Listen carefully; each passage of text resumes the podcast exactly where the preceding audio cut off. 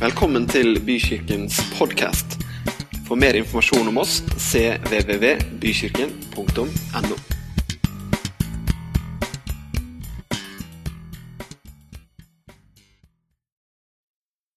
Dere, Det er jo fantastisk å kunne komme sammen, er det ikke det? Virkelig. Og jeg har eh, som alltid gleda meg til søndag. Det håper jeg du også har. Ja, takk for eh, at du også har gjort det. Eh, Du vet, noen ganger så Noen ganger så er søndagsmorgen litt pes. Ja, kom det fra kona. Jeg vet ikke åssen det er for deg, men eh, eller kanskje ikke det er sånn for deg. Jeg håper ikke det er sånn for deg, men jeg er ofte oppe sånn en gang før syv på søndag morgen. Og det er jo tidlig. Det er ikke derfor stemmen min er sånn. altså. Det er bare for at, eh, bare for at vi har hatt bønnemøte. Nei da. Men dere, poenget mitt er ofte så er søndagen litt kav og stress. Få ungene opp, rekke det man skal. Ikke minst alle dere fantastiske som er på team, som er her tidligere. Gjør i stand, osv. Og jeg, jeg, jeg, jeg er så ærlig vet du, at jeg sier at det er, det er litt pes for oss også. Det blir bedre og bedre jo eldre ungene blir. Men det er liksom en liten sånn logistikkutfordring, og jeg skal ikke utbrodere det, hva det går i, for det går i litt forskjellige ting, men jeg er sikker på at vi har mange felles, eh, felles, eh, felles erfaringer. Men så kommer jeg hit, og så er det én ting som jeg liksom sier til meg sjøl. Det er verdt det. Jeg sier til meg sjøl det er jammen verdt det. Om det ble en krangel, eller om ikke man, man, fant det man skulle, eller om man strakk tiden så man ble for sein, og pappa som skulle preke, blir stressa og Altså, hallo! Det er ikke strigla hos oss når vi går ut døra søndag morgen, for å si det sånn. Da har vi vært gjennom frokost og hele sangen i 'Hvor er buksa mi', og 'Hvor er skjorta mi', og 'Hvor er munnspillet mitt med fire toner i'. For dere som skjønte den. Så kommer jeg her. Så møter jeg dere. Så ser jeg ungene møte hverandre. Og så blir begeistring. 'Å, kan jeg sitte med han?' 'Å, hun er her i dag.' Og så, videre. og så begynner lovsangen. Og så står jeg her i dag. Og det var derfor jeg tenkte jeg skulle, denne gangen skal jeg si det. Jeg det er jammen verdt det. Det er jammen verdt det. Fordi at det vi gjør her, har en evighetsverdi. Det gir noe. Dere, tenk på det neste gang du tenker 'Jeg vet ikke om jeg orker i dag'. Du kan gjerne si det. Vær ærlig. Og bare legge til en sånn leddsetning. Men det er verdt det. Men det er verdt det. Dere, Vi har vært inne og er midt inne i en serie som jeg bare har kalt for La oss. Vi er i Hebrebrevet kapittel 10, og vi har snakka La oss komme fram var den første søndagen. Og For deg som ikke har fått det med deg, så finnes alle disse her på podkast. Det finnes på nettsiden vår og iTunes osv. Det sier jeg ikke for å reklamere for meg selv, for jeg reklamerer ikke for meg selv, jeg reklamerer for Guds levende ord. For det er så herlig når man kjenner at Guds levende ord har noe å si til meg i dag. Så Hvis ikke du har fått med deg de to før, så, så sørg for at du får med deg de, og så får, kommer du til å få noe ut av det i dag også. Det er ikke sånn at du må ha sett episode 1 og 2 for å skjønne noe i det hele tatt. Men det, men det vil være til, jeg, jeg sier det vil være til velsignelse for deg.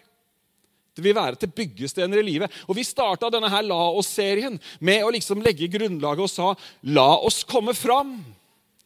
Og er Grunnen til at han sier 'la oss komme fram', det, har, det, det, er liksom noe som har skjedd. Det er alt det Jesus har gjort. Og Derfor har jeg så lyst til å liksom bare understreke og repetere denne vennlige, gode invitasjonen, som ikke er en invitasjon eller en befaling inn til noe som er mørkt og trist og vondt, men noe som er veldig godt. Nemlig, når vi kommer fram, så kommer vi fram til hva da? Til nådens trone. Hva skjer når vi kommer til nådens trone? Da får vi hjelp i den tid vi trenger det. Så du vet Det klare budskapet her er fra Bibelen er nemlig ikke hold deg tilbake. Ikke bli sittende i selvforakt. Ikke bli sittende med, med mindreverdighetstanker. Ikke bli sittende med en fordømmelse over livet ditt osv. osv. Nei, kom fram! Kom som du er, til din frelser. Legg deg til ro ved hans bryst. Det er en gammel sang, og det er det eneste jeg kan av den gamle sangen. Men du, kom! Også når søndag morgenen er helt pyton. Om du så er i bakrus, så kom! Ja, dere kan le, det mener jeg. Nå skal, har ikke jeg sagt at du skal sørge for at du kommer i bakrus. det var ikke det jeg sa. Men jeg sa om du så, for å sette det på spissen, om du så ikke føler deg verdig, om du ikke føler at du har fiksa det, om ikke du føler deg opplagt og nydusja og alle disse tingene, så kom! Fordi at når du kommer, så er det nådens trone du kommer til. Du kommer ikke til eh, en trone som er for høy til å komme i kontakt med. Du kommer ikke til en som liksom er høyt der oppe. helt opp. Nei, du kommer til nådens trone. La oss komme fram. Og så kan du lese sjøl i Hebreerbrevet. Hvorfor kan vi komme fram? Jo, for det er én som har åpnet en ny og en levende vei, sånn at vi skal komme på den.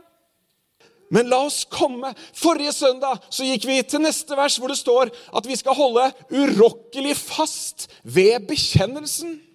Vi snakka om at bekjennelsen ikke bare var å kunne trosbekjennelsen utenat på rams, uten å egentlig vite hva det var. Nei, vi snakka om at bekjennelse dreide seg om å si det samme som, ikke som i betydningen av en papegøye som repeterer, men som i betydningen at du er så forent med den du sier det samme som, at du sier det samme som, den, som, om, som om det var du som sa det. Fikk du med deg den? Jeg fikk det ikke med meg sjøl engang. Jo da, men hold fast på bekjennelsen. Du skjønner at Bekjennelsen er noe mer enn at du bare sier noen ord. Snakker vi, om. vi snakker om at bekjennelsen, ordene som kommer ut av din munn, skaper noe. Frank leste et heftig vers fra profeten her. Jeg så noen av ungene våkne, for det var både skjeletter og rasling i beinknokler. Men du vet, hele poenget der, vet du hva det er? Det er at profeten han bekjente. Han bekjente i den formen at han profeterte. Han bekjente noe som Gud sa, som så helt umulig ut, dere. Ja, hva ser du da? Tror du det blir noe liv i dette greiene her? Tror du du fikser dette livet? Kan det være mulig? Ja, det vet Gud. Eller det vet du, Gud, sa profeten. Men så sa han noe annet. Profeter til disse tørre beina. Det er bekjennelse. Når du bekjenner, så profeterer du din egen framtid. Det skjer noe.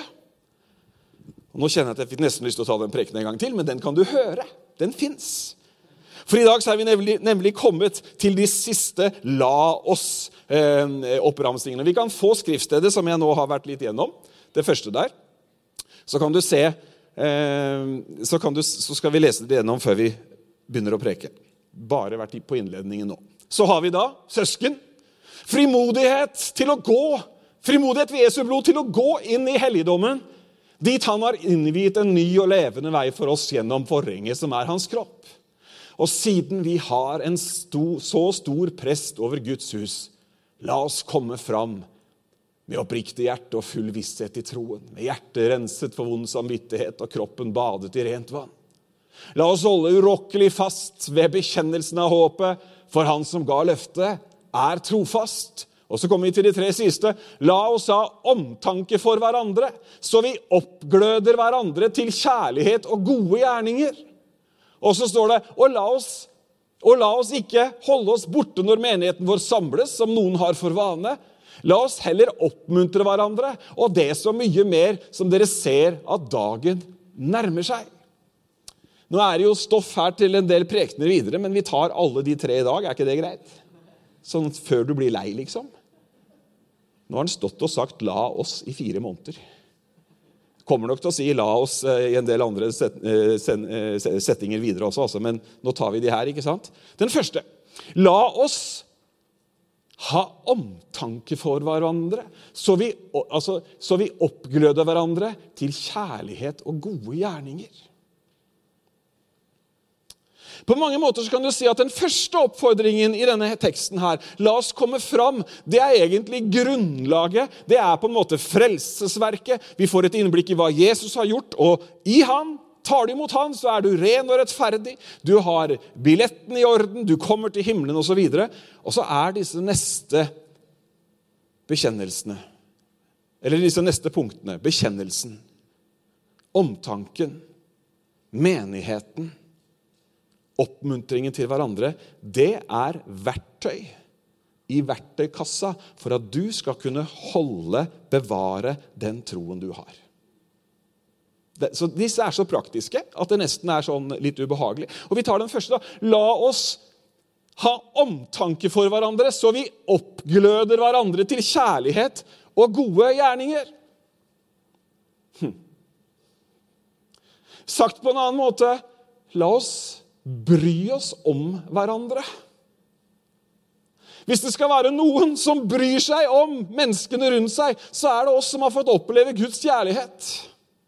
Vi ser dette opp gjennom verdenshistorien, ikke minst på vårt eget kontinent. Hvem er det som står bak, hvis du går litt bakover historien, hvem er det som står bak opprettelsen av diverse sykehus og medisinske institusjoner? Kristne. Hvorfor? Jo, fordi at dette er en naturlig del av det å være troende. Det er å bry seg om hverandre. Nå, bygger, nå bor vi i en velferdsstat, og, og, vi har ordninger som tar hånd om det meste. Men dere, midt i velferdsstaten så er det veldig mange mennesker som har behov for at du og jeg viser omtanke og kjærlighet og gjør gode gjerninger. Midt i velferdsstaten vår så vokser ensomheten til, til, til, til sånne høyder at det er et samfunnsproblem. Folk sitter aleine. Mange sitter aleine.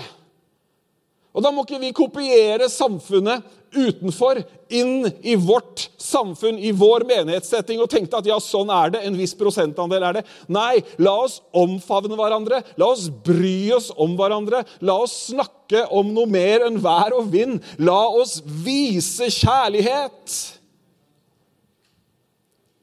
Hvordan kan man vise kjærlighet, da? Nå skal dere få svare. Hvordan kan vi vise hverandre kjærlighet? Kan jeg ikke bare, Nå er det ingen som uh, filmer noe som helst nå, så det går bra. Gi omsorg. Hvordan kan man gi omsorg? Gud velsigne deg, søster. Det var fint å se deg. Gjøre noe for noen som trenger noe. Invitere på en kaffe. Oppmuntre. Du vet, Det hender du møter folk som sier at vi har egentlig tenkt å bedre på middag det siste året. vi. Ja, da er det kanskje på tide å gjøre det. Du vet, du har noen som du møter, og de sier det hadde vært hyggelig å tatt en kaffe. Det har de sagt i 15 år. Nå satte jeg det litt på spissen, da. Men dere, la oss gjøre det. Ok, vi er travle. Ok, vi har mye på blokka vår. Men vet du hva? hvis du har så mye i kalenderen din at ikke det finnes rom for å vise omtanke for noen andre, da må du gjøre en omprioritering. Unnskyld for at jeg sa det så tydelig, men hvis det er sånn at det er helt umulig å vise noe som helst omtanke og bry seg om andre mennesker, da, da, da må vi gjøre noe. Rett og slett. For det, det, er en plikt vi har. Det er et oppdrag vi har, å vise hverandre kjærlighet. Og jeg har lyst til Og jeg syns vi har det kjempefint i kirka vår. Jeg syns det er hyggelig å være her, osv., osv. Men dere, kan jeg få lov til, med all pastoral omsorg, å si at jeg tror vi kan bli bedre? Var det greit? Du vet, du er like mye verdt selv om jeg sa det. Ja, nei, nå følte jeg meg fordømt. Nei, vet du hva? Du vet at Når du har vært hos legen og fått beskjed om at vet du hva, det hadde vært lurt å drikke litt mer vann du, du har min, min, altså Han har jo ikke tatt fra deg menneskeverdet og verdien din fordi at du fikk beskjed om det. Ikke sant? Det samme er med Bibelens oppfordring. Grunntonen er alltid du er elsket. Veien er åpen. Ikke sant? Men så er det noen sånne 'la oss' som gjør noe med oss. Vi hopper over den der forsamlingsoppfordringen, for den er jo ikke så hyggelig, syns noen. men den kommer vi tilbake til. Og så står det den siste oppfordringen her. så står det, La oss heller oppmuntre hverandre, og det så mye mer som dere ser dagen nærme seg. Dagen som skal nærme seg, som det står om her, er Jesu gjenkomst. Dagen som nærmer seg, er de utfordringer du og jeg møter med å leve som troende fra dag til dag og uke til uke. Og vet du hva? Til det så trenger du noen oppmuntringer. Når du føler at du er den eneste. Vi er i ferd med å bli totalt en minoritet i, i, i det offentlige samfunnsbildet. Når det var store diskusjoner på slutten av eh, ja, slutten, der er vi fortsatt, men litt grann eh, for noen uker siden, i, i koronasituasjonen, så våkna jo til syvende og sist en pastor og en prest og en pater og noen andre og sa det er kanskje litt sånn voldsomt at kirkene skal være så stengt.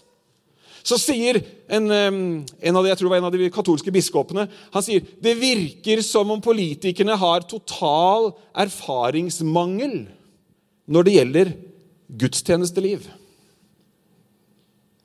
Ikke sant? Rett og slett at folk vet egentlig ikke hva det betyr. Men det betyr veldig mye. Dere, la oss oppmuntre hverandre. I en annen oversettelse står det 'la oss gi hverandre rette råd'. La oss fortelle hverandre hva Bibelen sier. Når vi møtes, når vi har omsorg, når vi skjønner, og det vet vi jo at vi har ulike utfordringer vi kjenner med, la oss gi oss råd. Vi kommer tilbake til det, men ofte så får folk et råd av meg i sjelesorg. Når livet har blitt veldig annerledes, så sier jeg du, en ting som kommer til å hjelpe deg nå, det er om du lener deg inn i fellesskapet. Det er om du faktisk, som aldri før, sier jeg til folk, som aldri før, finn fram Bibelen din. Sjekk hva Guds ord sier. Trenger du hjelp til å finne løfter? Trenger du hjelp til å finne sannheten? Len deg inn. Jeg sier det, Hvis det er én gang i livet du trenger life-gruppa di, så er det nå. Hvis det er én gang du trenger å være i Guds nærvær under lovsangen og, og tilhøre noe, så er det faktisk nå. Oppmuntring. Råd osv. Ok? Dere er så pene i dag. Jeg vet ikke om det er eh, røyken i lokalet eller andre ting som gjør det. Dere, vi går tilbake et hakk, og så skal jeg dele noen tanker som er eh, rundt det her med menighetslivet. Vi har vært gjennom en eh, tid hvor menighetsliv har blitt veldig annerledes. Teknisk så kunne alle dere sitte hjemme i dag. Det kunne det, for det streames derfra. Det er ikke noen oppfordring til å sitte hjemme, men vi gjør det fordi det er noen som ikke kan være her. og Sånn er livet. Noen kan ikke være her, men vi vil allikevel gjerne at de skal få med seg det som blir sagt. Det er derfor vi har podkast også, fordi eh, vi skjønner jo det. At du kan ikke være her hver bidige søndag alltid.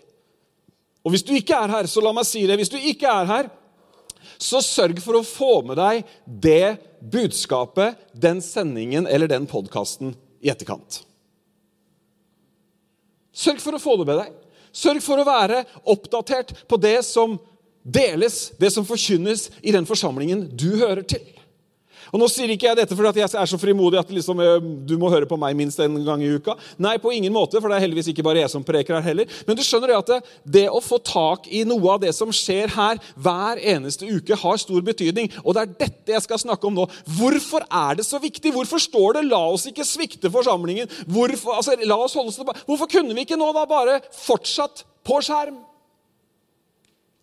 Noen menigheter har til og med vurdert det. Jeg vil fraråde det på det sterkeste. Vi kommer til å bruke skjerm, vi kommer til å supplere, vi kommer til å gjøre det tilgjengelig for deg som sitter der hjemme. Gud velsigne deg. Vi er så glad for at du får med deg akkurat dette her. Første gangen jeg har gjort sånn der, sett i kamera. Det var egentlig litt kult. Du skjønner, det er, det er, det er, det er på en måte det er en erstatning. Men du skjønner, hvorfor, hvorfor trenger vi å komme? Og Jeg skal gi deg tre gode grunner til at du trenger å komme på gudstjeneste. Og Det første er Guds nærvær. Ja, men Gud er vel allestedsnærværende? Ja, det er han. He is omnipresent. Det betyr at Gud er overalt. Han er ikke langt unna. Men Gud har et nærvær, et løfte til sitt nærvær, som gjelder når vi kommer sammen. Og så finnes det et indre nærvær. Hvis du er født på ny, så har Den hellige ånd tatt bolig i deg. Vi, Jesus er i hjertet, sier vi til barna. Ja, absolutt. Men det finnes også et manifestert, håndpåtagelig, erfaringsmulig nærvær av Gud. Og det er når hans folk kommer til stede. Der hvor to eller tre av dere er sammen i mitt navn, der er jeg midt iblant dere, står det i Matteus. Så for det første så er Guds nærvær det er en grunn for faktisk å, å, å, å komme og holde og være en del av forsamlingen. Guds nærvær. Jeg skal lese et lite vers. For å skjønne, Guds nærvær gjør hele forskjellen. Jeg vet ikke om noen av dere går på mange andre typer møter, men noen er på politiske møter, andre er på foreningsmøter osv. Og, så og du vet, noen av de ligner jo nesten, nesten, litt på oss. Jeg har tenkt på det. De har mikrofon, og noen synger en sang til og med. Og de har en eller annen som sier noe, ikke sant? Temakveld i Rotary-klubben. Og du vet, de har nesten ettermøter òg. Hvis du vil vite mer, så kan du komme fram hit etterpå. Ja, men stemmer ikke det? Og de er hakket hvassere på å tilby medlemskap. Kanskje vi kan lære noe der? De er hakket hvassere på å mobilisere til å aktivt ta del. Ikke bare liksom være et støttemedlem, ja, det må du i hvert fall være, men, men, men bidra, liksom. Og hvis du, hvis du, virkelig oppfører deg pent, så blir du spurt om å være listefyll, til og med. Men forskjellen mellom de møtene og det møtet her, det er Guds nærvær. Det er Guds nærvær. Kjenner du det? Jeg kjenner det. Han er her ved sin ånd for å gi deg noe, for å si deg noe, for å løfte deg og for å hjelpe deg.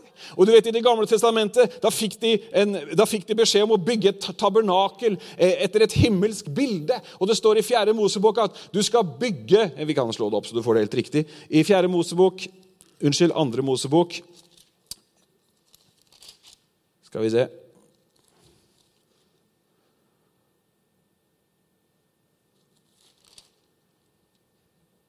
Kanskje det var Fjerde Mosebok allikevel. Nei, det her var det. Andre Mosebok 25 så står det om gull og sølv og purpur og alt det de skal gjøre. De skal lage, står det i vers 8, de skal lage en helligdom for meg, så jeg kan bo iblant dem. Han snakker om tabernakelet, han snakker om Guds hus. Dere vet at vi er i Guds hus nå? Er ikke det en artig benevnelse, da? Hvor har du vært i dag? Jeg har vært i Guds hus. Ja, men han bor jo ikke i Trelleborgveien 11. Jo, når vi er her, så bor han her. I det øyeblikk vi kommer inn, så sier Bibelen at vi alle sammen vi er som levende stener som blir som et hus for Gud i ånden. Her er huset. Hjørnesteinen er Jesus Kristus. Vi skal ikke gå inn på hvorfor det var en hjørnestein. Det hadde noe med byggeteknikk på den tiden å gjøre, så det kan kanskje Torgeir fortelle oss en annen gang. hvordan man egentlig skal gjøre. Men i det vi er her, så hans nærvær. Og så står det litt seinere, og dette her er så nydelig. Kan du si nydelig? Nydelig. For i samme kapittel litt lenger ned så står det i vers 22 Det er Gud som sier dette. Og jeg skal møte deg der, og jeg skal tale til deg fra stedet over nådestolen. Tabernaklet skulle til, altså forsamlingen, Guds menighet, måtte etableres fordi at han ville si noe til oss. Der skal jeg bo, der skal jeg snakke. Og så er det litt sånn der for bibelnerdene, men det er ganske interessant, for det står at han skal tale til oss fra stedet over paktens ark. Fra nådestolen skal han preke. Amen. Derfor så er det nådens evangelium. Derfor så er det nåden vi preker. Derfor så er det Guds ufortjente godhet øst mot deg, som vi sier halleluja for akkurat nå. Amen.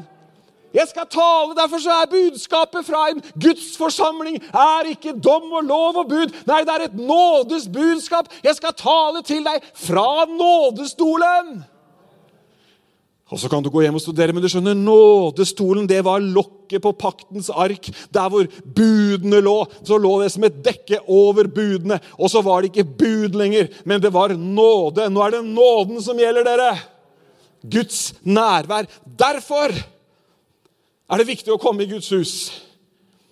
Det handler ikke om statistikk. Det handler ikke om at vi kan si ja, nå har vi det og det tallet på gudstjenester. Nei, det handler om at du trenger Guds nærvær, og det er her. Amen. For det andre så er det noe annet. Vi har vært innom Matteus. At der hvor to eller tre er samlet i mitt navn, da er jeg, da er jeg midt iblant dem. Men hvis vi, ser, hvis vi får det verset på veggen, så står det noe annet. I verset før vi hadde vers 20, ikke sant? for hvor to eller tre er samlet i mitt navn, der er jeg midt iblant dem. Men så står det også dette sier jeg dere, og det er Jesus som sier det. Dersom to av dere her på jorden blir enige om å be om noe, hva det enn er, skal de få det av min far i himmelen. Du skjønner den andre grunnen til at jeg sier 'kom på gudstjeneste'. Var det noen som var her når vi hadde den der prekena hvor vi ringte litt med bjella her eh, før sommeren? Det var ganske gøy. Det var bra, var ikke det? Jeg har ikke frimodighet til å be noen å komme for å høre på meg. Men jeg har frimodighet til å be noen å komme for å oppleve Guds nærvær og for å oppleve Guds kraft. Det er et løfte knytta til at når du, når to av oss ber om noe sammen, hva det enn er, da skal vi få det. Guds kraft. Det er for deg.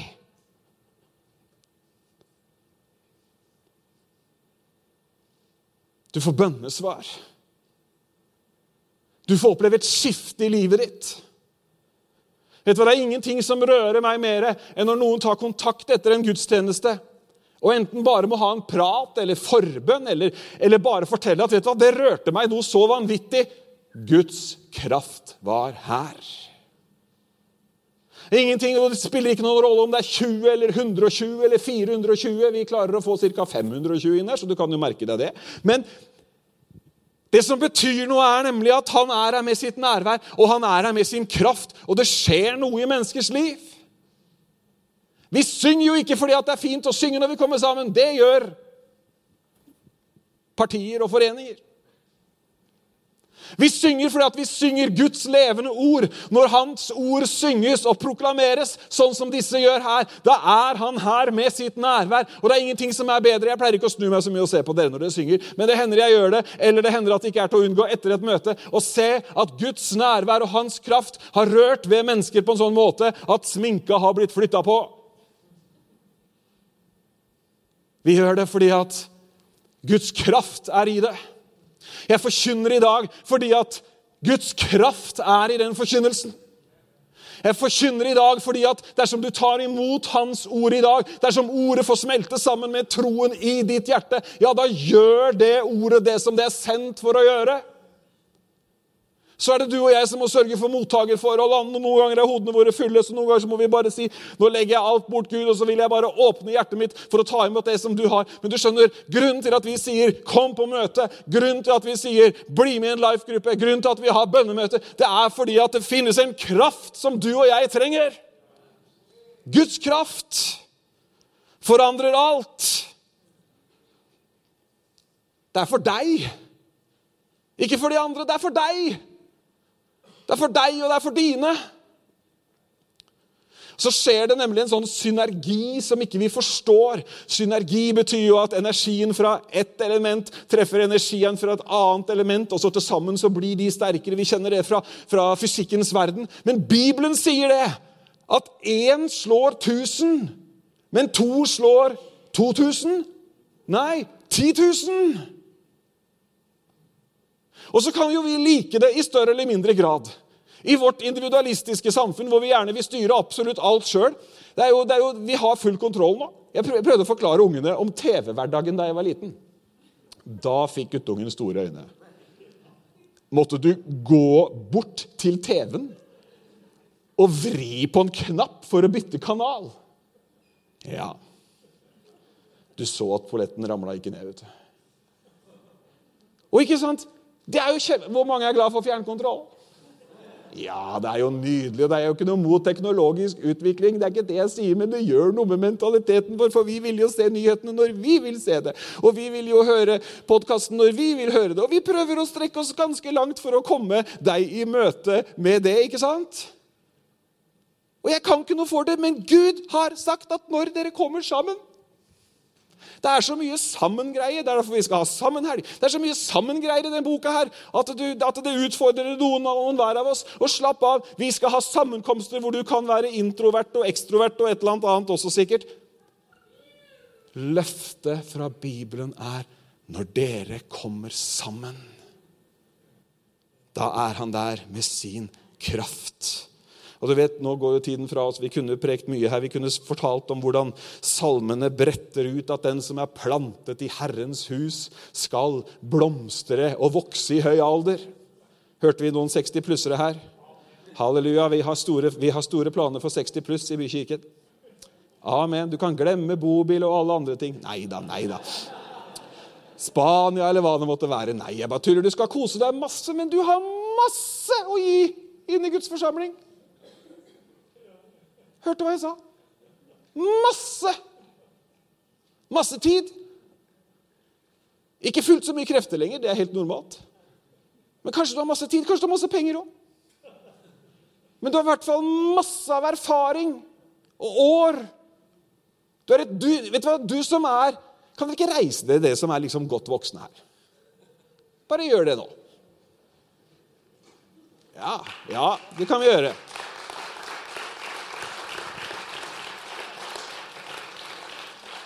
Vet du hva? Dere kan bli stående. Her står det folk hvis liv er et vitnesbyrd om Guds trofasthet. Se på disse her. Her står det folk som har, mest sannsynlig har vært gjennom det du gjennomgår akkurat nå. Her står det folk som vet hva det er å miste noen. Her er det folk som vet hva det er å, å hanskes med eh, unger i vanskelige faser. Her står det folk som vet hva det er å være i tjeneste i menighet. Vi har en, sånn, vi har en, vi har en barneleder her, Elisabeth, du, som har prekt til unger Det må jo være tiår! Ikke sant? Vær så god, Stit. Vi skulle egentlig bare sjekke om dere fortsatt kan stå. Nei da, det var en spøk. Vi er så glad for dere. Vi er så glad for dere. Og jeg har kunnet ønske at Ja, slipp dere løs. Slipp dere løs. Dere er et levende vitnesbyrd. Det passer godt. da. Nå skal vi gå over i den tredje og siste. Guds nærvær. Derfor kommer vi. Guds kraft. Derfor kommer vi. Og så er det en ting til da, som du kanskje tenker i all verden, hvorfor har du med det? Guds folk.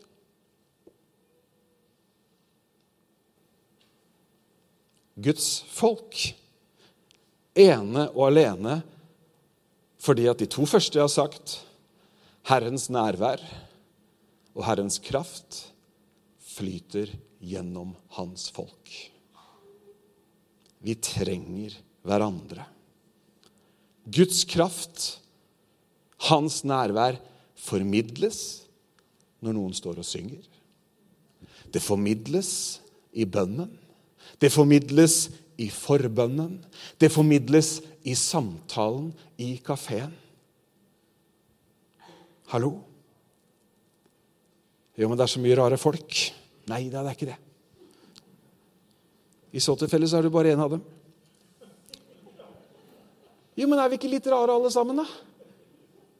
Merker at jeg begynner å bli voksen, og jeg begynner å få sånne kjepphester jeg trodde jeg aldri skulle få. Du har kanskje ikke åpna stallen din, men du har noen, du også. Derfor er Bibelen full av ord om å, hvordan vi skal forholde oss til hverandre. Nå skal jeg lese noe som skal få lov til å stå på sine egne bein. I Efesene 4. Du får det på veggen. Det handler om livet vårt, både i forhold til troen og i forhold til hverandre. Efeserbrevet 4. Så formaner jeg dere, jeg som er fange for Herrens skyld, at dere lever et liv som er verdig det kallet dere har fått. I mildhet, ydmykhet og storsinn. Så dere bærer over med hverandre i kjærlighet. Sett alt inn på å bevare åndens enhet. I den fred som binder sammen én kropp, én ånd, slik dere fikk ett håp da dere ble kalt én Herre, én tro, én dåp, én Gud og alles far, Han som er over alle, gjennom alle og i alle. Til hver enkelt av oss er nåden gitt. Alt ettersom Kristi gave blir tilmålt. Derfor heter det 'Han steg opp i det høye og bortførte fanger'. Til menneskene ga han gaver. At han steg opp, må jo bety at han først var steget ned til det aller lave, laveste, til jorden. Han som steg ned, er den samme som steg høyt opp over alle himler for å fylle alt. Og det var han som ga noen til å være apostler, noen til profeter, noen til evangelister og noen til hyrder og lærere, for å utruste de hellige til tjeneste, så Kristi kropp bygges opp, inntil vi alle når fram til enheten i troen på Guds sønn og i kjennskapet til Han, og blir det modne mennesket som er fullvoksent og har hele Kristi fylde. Så skal vi ikke lenger være umyndige småbarn. Ikke la oss kaste hit og dit og drive omkring ved ethvert eneste vindpust av ny lære, så vi blir et bytte for menneskers falske spill og listige, forførende knep. Nei, vi, men vi skal være tro mot sannheten i kjærlighet og i ett og alt vokse opp til Han som er hodet, Kristus. Ut fra ham blir hele kroppen sammenføyd og holdt sammen ved hvert bånd og ledd, alt etter den oppgave hver enkelt har fått tilmålt, så kroppen vokser og bygges opp i kjærlighet. Så ber jeg dere inntrengende i Herren, lev ikke lenger slik som hedningene, altså de som ikke tror. Deres tanker er tomhet. Deres forstand er formørket, og de er fremmede for livet i Gud. De kjenner ham jo ikke, og deres hjerter er forherdet. Avstumpet er de blitt. De har gitt seg over til et utsvevende liv. De er urene og grådige i alt de gjør. Men dere er ikke slik. Dere har gått i lære hos Kristus. Dere har hørt ham og fått opplæring i ham ut fra den sannheten som er i Jesus. Lev da ikke som før, men legg av det gamle mennesket som blir ødelagt av de forførende lystne. Bli nye i sjel og sinn. Kle dere i det nye mennesket som er skapt i Guds bilde, til et liv i sann rettferd og hellighet. Legg derfor av løgnen, og snakk sant til hverandre. For vi er hverandres lemmer. Blir dere sinte, så synd ikke. Og la ikke solen gå ned over deres vrede. Gi ikke djevelen rom. Den som har stjålet, skal ikke lenger stjele, men arbeide og gjøre noe nyttig med sine egne hender, så han kan ha noe å gi til dem som trenger det. La ikke et eneste råttent ord komme over leppene. Si bare det som er godt, og det som bygger opp der det trengs, så det kan bli til velsignelse for dem som hører på.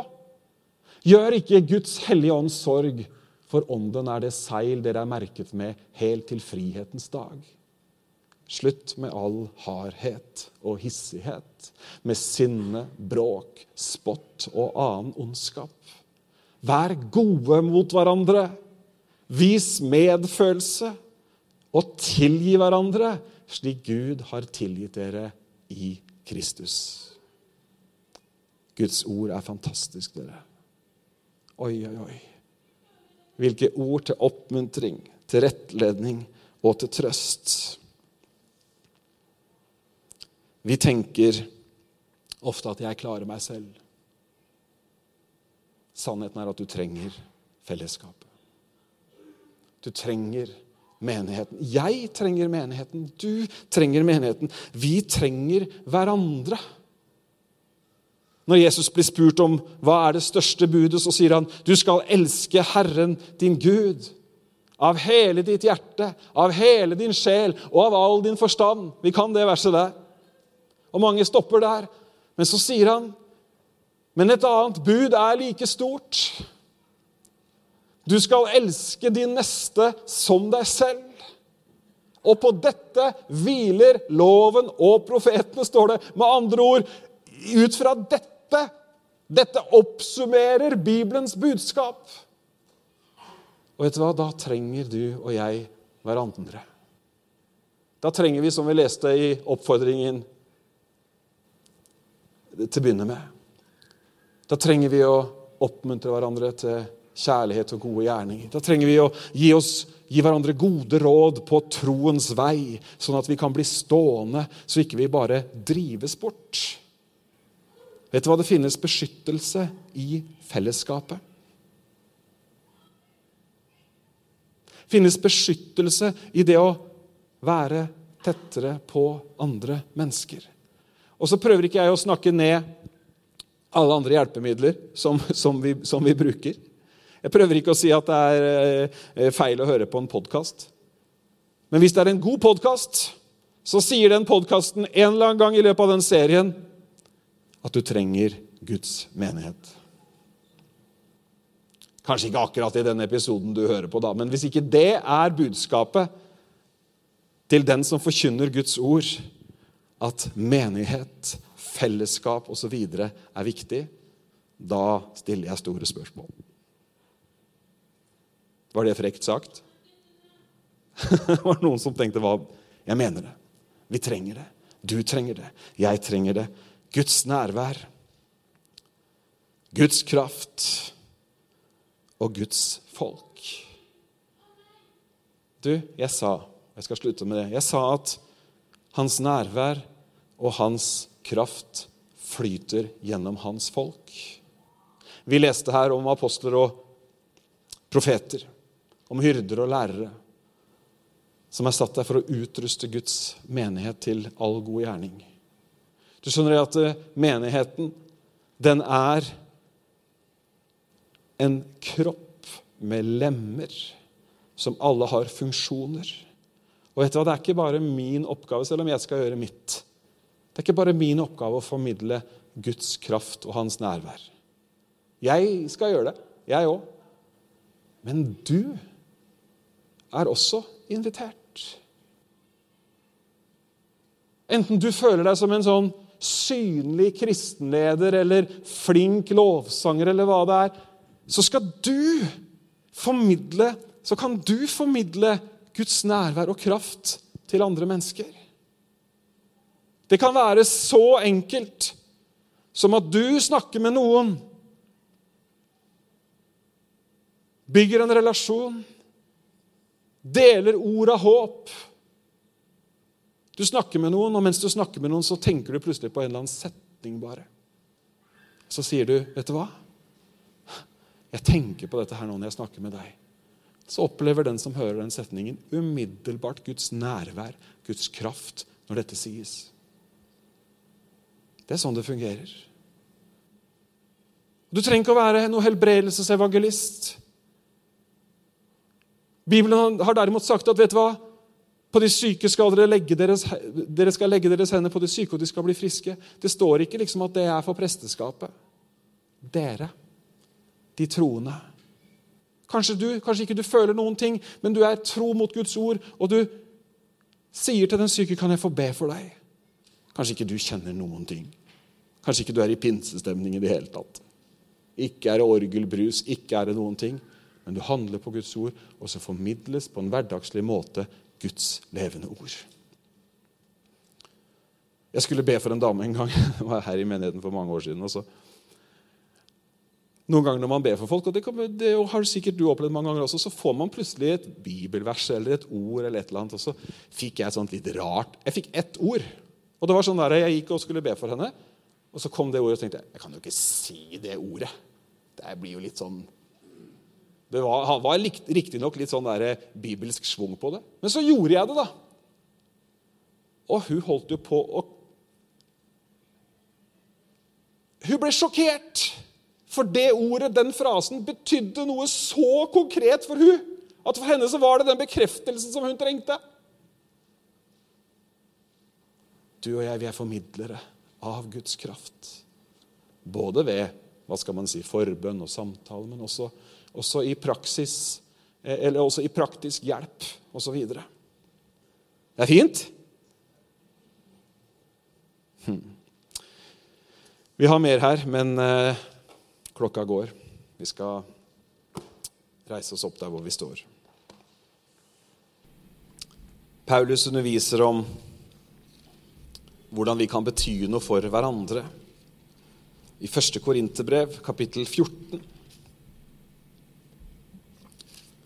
så sier han Hvordan er det da når dere kommer sammen?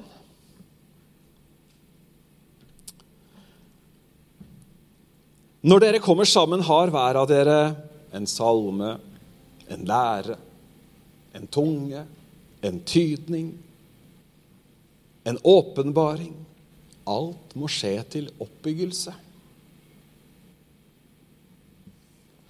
Det betyr ikke at vi skal ha kaosgudstjeneste hvor alle slipper til med alt akkurat på den søndagen, men det er noe med det å la dette livet pulsere mellom oss. Kanskje du har tenkt på noen når du ba. Kanskje du skal handle på det og sende en melding eller ringe. Du, kommer du på søndag? Jeg har tenkt på deg når vi ber. Skal vi, skal vi ta en prat? Det er fantastisk at vi, kan, at vi kan bety sånne ting for hverandre.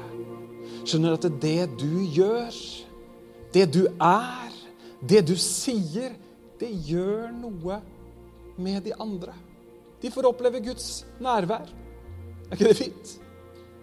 Får oppleve Guds kraft. Vi tror ikke på tilfeldigheter, men vi tror på Guds ledelse. Vi tror at Gud han bruker hver og en av oss. Jeg har et ønske om at vi som fellesskap skal vokse i disse tingene. Vokse i det å dele ting med hverandre, vokse i det å tørre å bety noe for noen andre. Vokse ut av den litt sånn kanskje småkalde norske individualismen hvor alle er seg selv nok. Er det ikke litt sånn av dere? Så er det en sånn velsignelse. Det er en sånn tilfredsstillelse å få lov til å være det redskapet. Være den oppmuntringen, være den trøsten, være det medmennesker som bryr seg, være den som Gud brukte for å gi et råd eller for å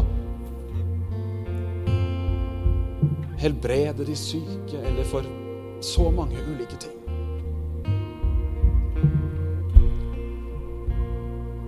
Det blir vel fulle hus etter det her, Bent Ove? Vi har plass til flere. Men motivasjonen er ikke fulle hus. Motivasjonen er at du skal få det du trenger. At du skal få nærværet, kraften, oppleve fellesskapet med Guds folk. Gang på gang på gang. Så sto det noe her om at det gjør at vi vokser til manns modenhet, at vi vokser i troen. Kanskje du har tenkt at jeg har slutta å vokse.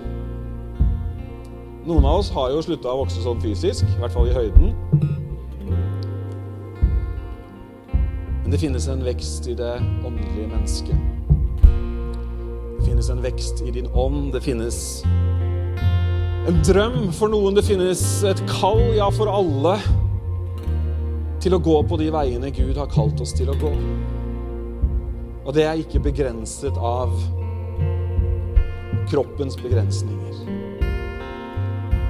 Men Gud, han vil gjøre noe nytt. Han vil gi liv til de døde beina, for å bruke det bildet. Han vil skape vann midt i ørkenen, som vi snakka om på Team Tirsdag. For vi er satt i denne byen, vi er satt i denne generasjonen for å tjene den, for å bety noe, for, for å se at Guds rike vokser. Er ikke det fantastisk, da? Det kan vi gjøre med senka skuldre. Han taler til deg fra nådestolen. Han sier 'kom'. Kom fram. Kom framfor meg. Få miskunn, få nåde, få hjelp i den tid du trenger. Det står det i brevbrevet. Det er det som er invitasjonen. Men han kommer aldri og henter oss. Det er sånn at han sier 'kom', og så har Gud gitt oss en fri vilje. Han døde på korset, men han ber oss om å ta opp vårt kors hver dag. Har du tenkt på det? Han har gitt oss alle ting, men vi må ta imot. Han overkjører oss ikke, men han inviterer. La oss komme fram. La oss holde urokkelig fast ved bekjennelsen av vårt håp. La oss oppgløde hverandre til kjærlighet og gode gjerninger. La oss ikke svikte vår forsamling. La oss gi gode råd. La oss oppmuntre hverandre i den tiden vi trenger det. Jeg tror noen trenger å oppmuntre noen andre i dag. Ganske enkelt med å si at det nytter. Dere, det nytter det nytter å tro. Det nytter å holde fast ved Guds ord. Det nytter å lære barna sine, det nytter å ta folk med. Det nytter, dere. Det går an. Alle andre stemmer sier at vet du hva, nei, nå er det på tilbakegang, og nå sliter vi litt, eller hvordan skal dette ende? Og Hør gjerne på de som lurer på hvordan dette skal ende, men minn dem på hva han sier om hvordan dette skal ende. Jeg vil gi dere framtid og håp. Mitt navn skal skyte friske skudd. Jeg skal bygge min menighet, og dødsrikes porter skal ikke stå seg mot den. Du skal lære dine barn, og de skal kjenne Gud. Vi skal få se at det går an, dere. Midt i 2021 så skal vi se at det går an å ha en levende tro. En tro som overvinner verden. En tro som gir styrke til hver eneste dag. Det nytter. Er ikke det fantastisk? Det nytter. Det funker. La ditt åndelige menneske få mat. Kanskje det er greit å si det siden vi er i den karismatiske enden av eh, skalaen. Det er én ting som funker hvis du skal bygge noen muskler, og det er å spise. Det er én ting som funker hvis du skal beholde livet, og det er å spise. Amen. Vi vender oss til Gud i bønn. Vi takker deg, Herre, for ditt levende ord. Og vi takker deg for menigheten, Herre. Vi takker deg for fellesskapet og de troende. Vi takker deg for hensikten som du har sagt at din kraft og din makt og din myndighet nå ved menigheten skal gjøres kjent. Vi priser deg, Herre. Takker deg for hver eneste en som er her.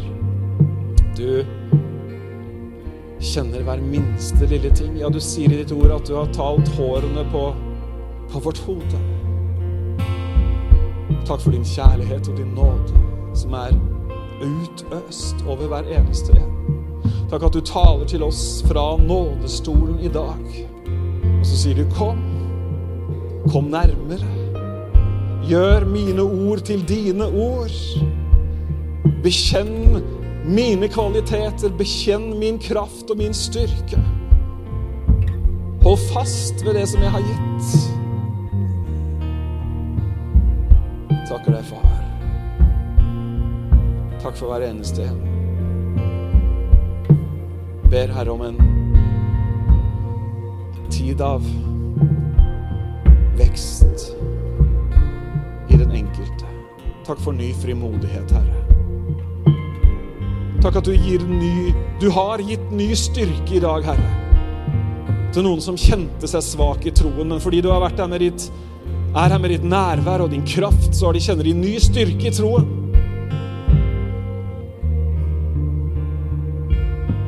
For noen så har overbevisningen falt på plass. Noen fikk påfyll til å ta rette valg. Fordi du er her med ditt nærvær, du er her med din kraft. Vi ærer deg, og vi priser deg. Ha din vei med hver eneste en, Herre. Vi vil følge deg, vi vil ære deg, vi vil lyde deg.